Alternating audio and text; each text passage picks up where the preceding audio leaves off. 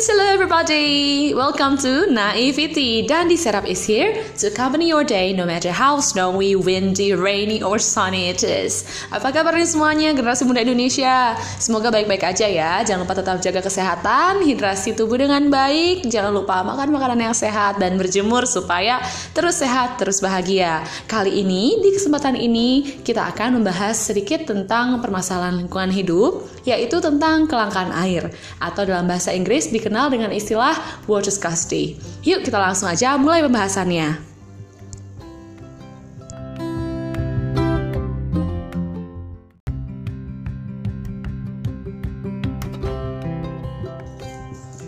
Nah, apa aja sih yang bakalan kita bahas hari ini?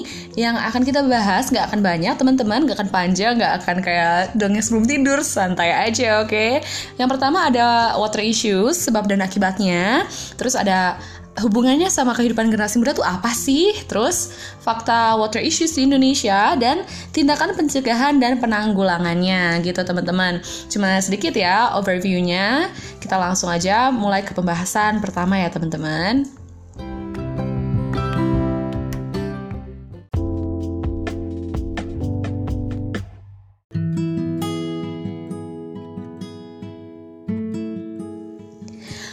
Teman-teman langsung ke pembahasan pertama biar gak panjang lebar langsung to the point. Yang pertama adalah water scarcity itu sendiri. Apa itu kelangkaan air sebabnya dan akibatnya di sini? Dan ini merujuk dari jurnal ilmu politik dan komunikasi volume 7 nomor 2 Desember 2017 judulnya isu kelangkaan air dan ancamannya terhadap keamanan global yang ditulis oleh Jessica Marta dari program studi hubungan internasional Universitas Katolik Parahyangan Bandung. Di sini beliau mengutip dari FAO Watch bahwa kelangkaan air merupakan suatu kondisi ketidakseimbangan antara ketersediaan dan permintaan, degradasi kualitas air tanah dan air di permukaan, kompetisi, konflik regional dan internasional, dan semua yang memberikan kontribusi terhadap terjadinya kelangkaan air. Nah, gitu teman-teman, itu uh, pengertiannya. Basically, uh, kelangkaan air itu sebuah kondisi di mana suatu daerah mengalami kekurangan air, padahal populasinya banyak, yang butuh air banyak, tapi ketersediaan airnya gak ada gitu, stoknya sedikit gitu, gak seimbang, jadinya antara permintaan dan stok barang gitu teman-teman, basically ya. Nah terus uh, di sini juga dijelaskan kalau menurut uh, WWF alias Wildlife Welfare Foundation if I'm not wrong. Oke, okay. ya kayaknya itu ya. Nah, setidaknya ada empat faktor utama penyebab terjadinya kelangkaan air. Apa aja tuh? Catat nih teman-teman ya. Yang pertama perubahan iklim, kedua itu ada polusi, ketiga agrikultur, dan keempat pertumbuhan penduduk. Nah, gimana ceritanya mereka berempat ini bisa mempengaruhi uh, kualitas air dan kuantitas air kita? Jadi gini teman-teman, perubahan iklim seperti yang kita ketahui ya, perubahan iklim, iklim berubah. Misalnya di satu daerah harusnya udah hujan, tapi malah belum hujan. Ya jelas-jelas jadi kekurangan air dong. Nah, gitulah gampangnya gitu teman-teman. Terus yang kedua itu polusi. Kita tahu sendiri ya, banyak dulu tuh banyak banget orang yang buang sampah ke sungai. Terus untungnya udah berangsur-angsur, udah mulai banyak larangan, orang-orang mulai sadar gak buang sampah ke sungai lagi. Tapi yang sampah yang dulu dibuang kan sekarang udah sampai ke laut kan. Jadi basically basically udah ya mencemari air gitu kan. Udah gitu uh, limbah nih. Limbah bukan cuma limbah industri aja, teman-teman. Otomatis ya kalau limbah industri yang dibuang ke perairan terbuka tanpa diolah terlebih dahulu, itu kan pasti mencemari ya. Nah, tapi limbah rumah tangga kita juga sama saja, sama saja mencemari uh, air air stok air yang ada gitu limbah rumah tangga maksudnya gimana sih?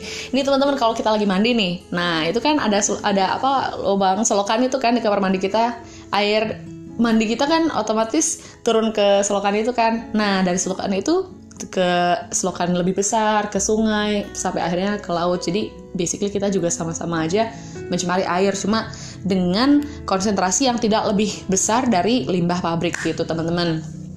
Terus uh, apalagi nih agrikultur kenapa agrikultur bisa uh, menyebabkan kelangkaan air nah gini teman-teman ada dua ada dua alasan nih yang pertama itu karena uh, apa namanya pupuk. Nah, pupuk itu tidak diperlakukan dengan benar, diperlakukan dengan benar gitu. Tidak diolah uh, dengan benar, akhirnya dia mencemari air. Udah gitu pestisida, insektisida, dia juga uh, mencemari air.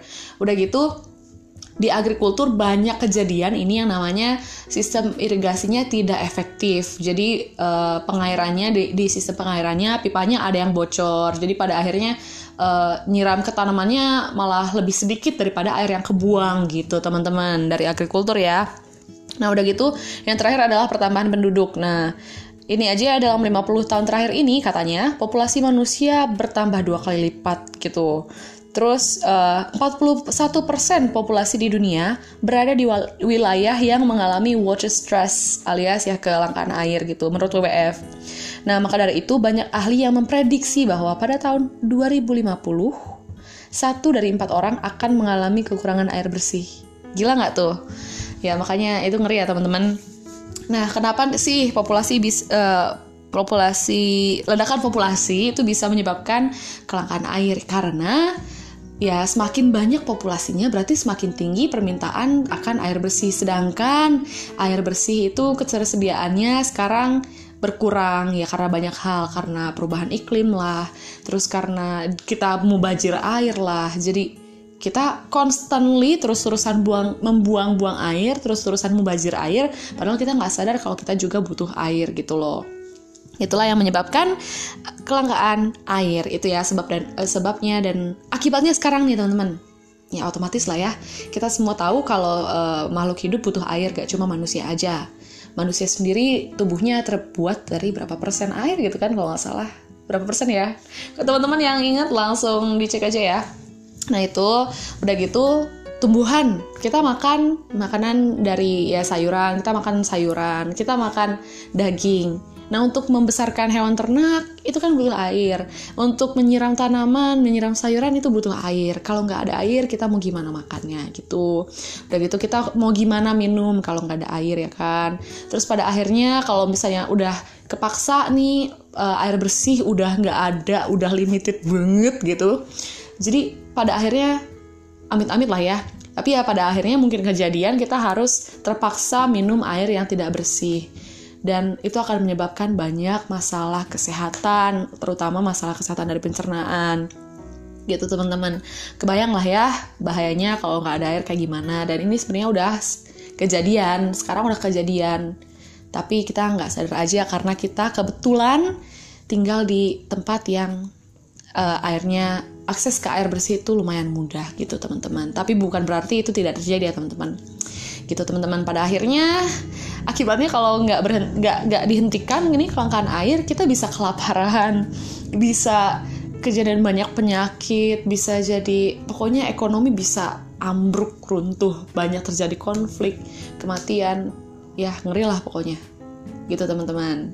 Itu bahasan kita yang pertama tentang apa itu kelangkaan air sebab dan akibatnya. Sekarang kita lanjut ke bahasan berikutnya teman-teman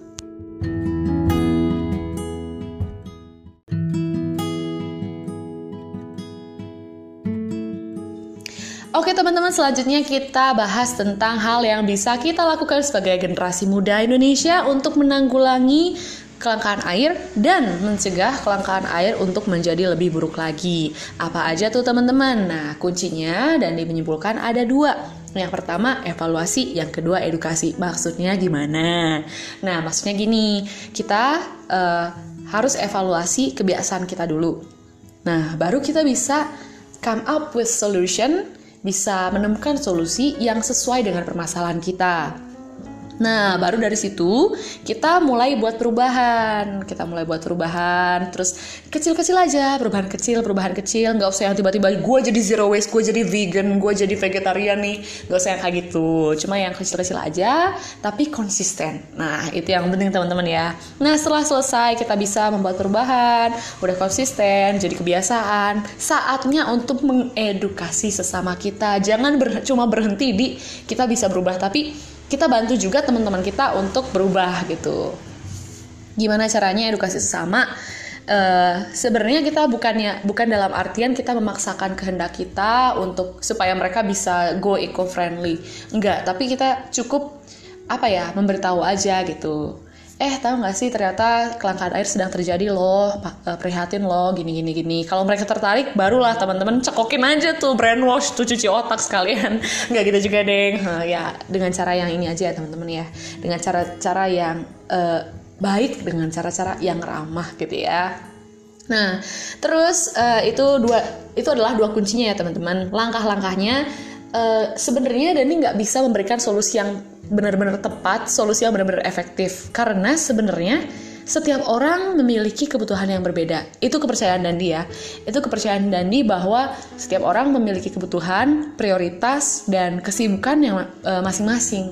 Jadi kita nggak bisa memaksakan solusi memaksakan solusi kita untuk orang lain.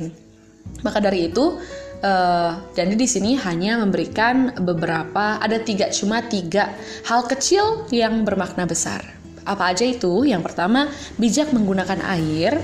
Yang kedua, bijak memilih produk pembersih. Yang ketiga, membawa botol sendiri. Kenapa cuma tiga ini? Karena sebenarnya ini tiga hal kecil yang paling apa ya krusial lah kalau menurut Dandi ya. Kita breakdown satu persatu ya teman-teman. Pertama, bijak menggunakan air. Nah, uh, bijak menggunakan air ini salah satunya adalah mematikan keran saat tidak dipakai saat tidak dipakai ya teman-teman misalnya waktu lagi sikat gigi nih pas lagi sikat gigi kan tuh keran airnya nggak dipakai kan daripada mau bajir kebuang terus ya kan mendingan ditutup kerannya oh gitu Nah, terus kalau misalnya teman-teman udah bisa melakukan hal itu terus-terusan, waktunya untuk ditingkatkan. Gimana caranya nge-step up-nya? Teman-teman coba water budgeting. Water budgeting itu uh, misalnya teman-teman mau sikat gigi, ambil dulu satu gelas, satu muk, satu cangkir nu ayah tangkai nateaning, nu ayah gagangna yang ada gagangnya itu isi sama air, terus udah. Teman-teman coba sikat gigi, kumurnya udah cukup pakai satu gelas itu aja. Gitu kalau misalnya teman-teman nggak bisa cuma satu gelas ya udah tambah lagi. Kan karena setiap orang kan uh, uh, kapasitas mulutnya berbeda-beda tuh ya kan odolnya juga beda-beda. Odol teh apa ya? Pasta giginya kan berbeda-beda mereknya. Jadi uh, sesuaikan aja sama kebutuhan dan uh, keperluan teman-teman gitu.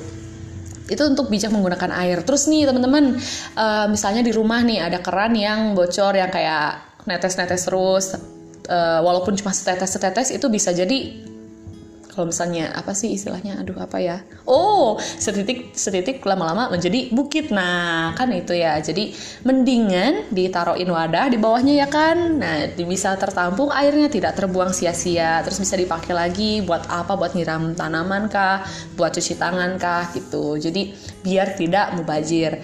Kalau teman-teman bisa lagi lebih bagus lagi tapi ini uh, sesuaikan aja ya sama uh, sama kemampuan dan kebutuhan teman-teman kalau bisa, teman-teman menambahkan aerator di setiap keran yang ada di rumah teman-teman. Kalau bisa ya, aerator itu apa? Jadi aerator itu sejenis kayak bukan mesin alat kecil ya yang bisa ditaruh di keran teman-teman untuk menekan uh, apa namanya arus air supaya bisa lebih hemat. Jadi air yang yang kebuang nggak terlalu banyak gitu. Jadi selain bagus buat keuangan kita ya kan, bagus juga untuk lingkungan hidup kita gitu.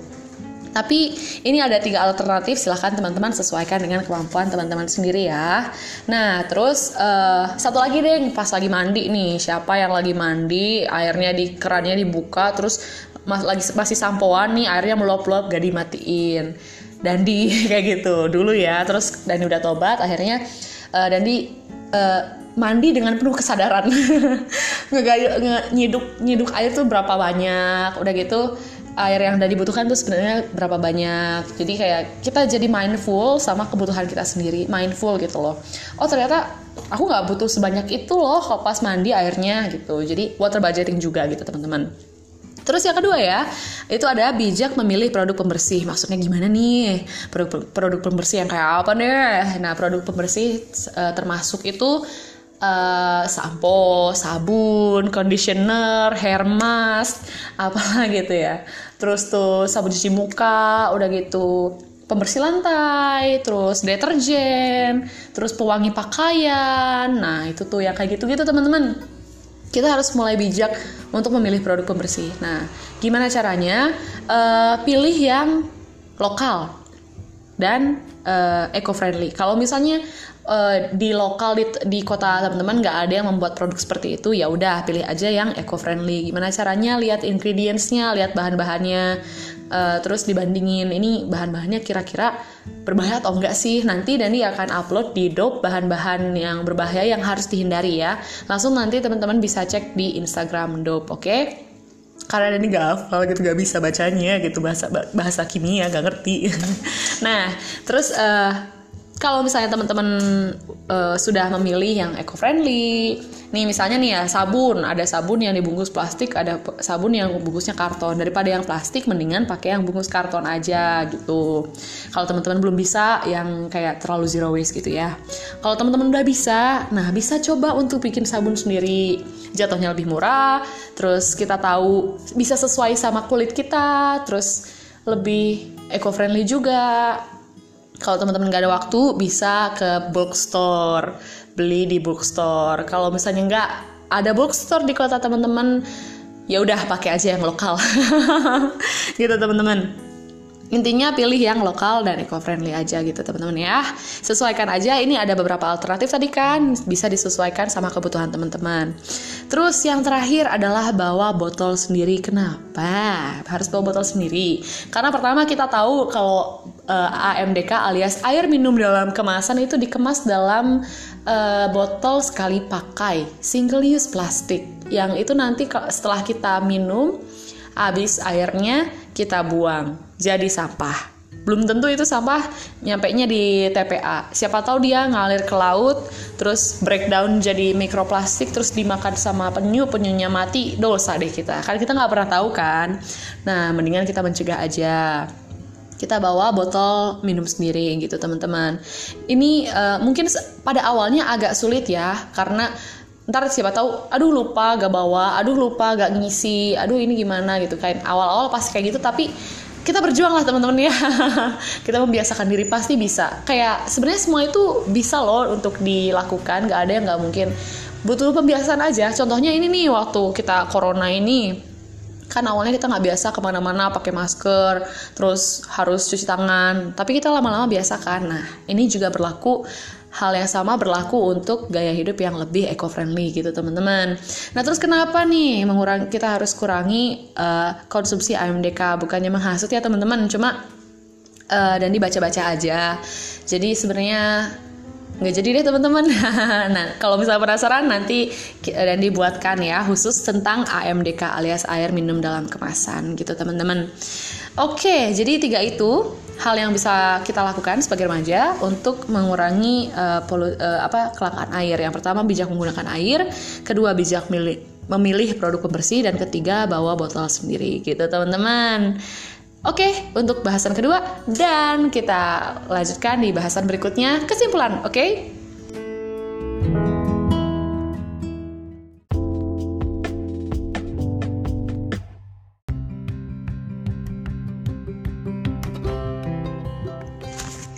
Oke teman-teman, tibalah kita pada penghujung podcast kali ini. Terima kasih banyak teman-teman sudah menyempatkan waktu untuk mendengarkan Dandi. Udah mau punya niat untuk berubah dan sangat bahagia sekali. Semoga teman-teman uh, selalu dilimpahi kesehatan. Semoga semoga teman-teman selalu bahagia dan semoga semesta memberkatimu. Amin. Oke. Okay? Jangan lupa evaluasi dan edukasi diri. Bagi teman-teman yang butuh bantuan saat mengevaluasi diri, teman-teman butuh bantuan, uh, pengen tahu alternatif-alternatif lain yang bisa teman-teman lakukan untuk uh, ya seenggaknya lebih uh, apa ya, lebih sadar lingkungan, teman-teman bisa langsung konsultasi aja ke Instagramnya Dope ya uh, IG-nya @do.w.pe. Langsung aja follow, langsung aja uh, konsultasi chat adminnya, langsung aja. Terus kalau teman-teman butuh support system nih, jangan lupa tag struggle-nya teman-teman. Misalnya teman-teman lagi nyoba nih untuk berjuang untuk merubah kebiasaan lama teman-teman langsung aja di videoin dimasukin uh, upload di SG udah gitu di tag ke Instagramnya dope gitu teman-teman supaya orang-orang juga supaya teman-teman yang lain uh, bersemangat wah dia juga udah mulai berubah nih gue ikutan ah gitu siapa tahu kita bisa bikin tren yang sadar lingkungan kan keren teman-teman iya kan oke sampai sini dulu Terima kasih atas segala dukungan, bantuan, doa, dan partisipasinya teman-teman. Sampai ketemu di Naivety berikutnya. Youngsters, let's unite! Cheerio!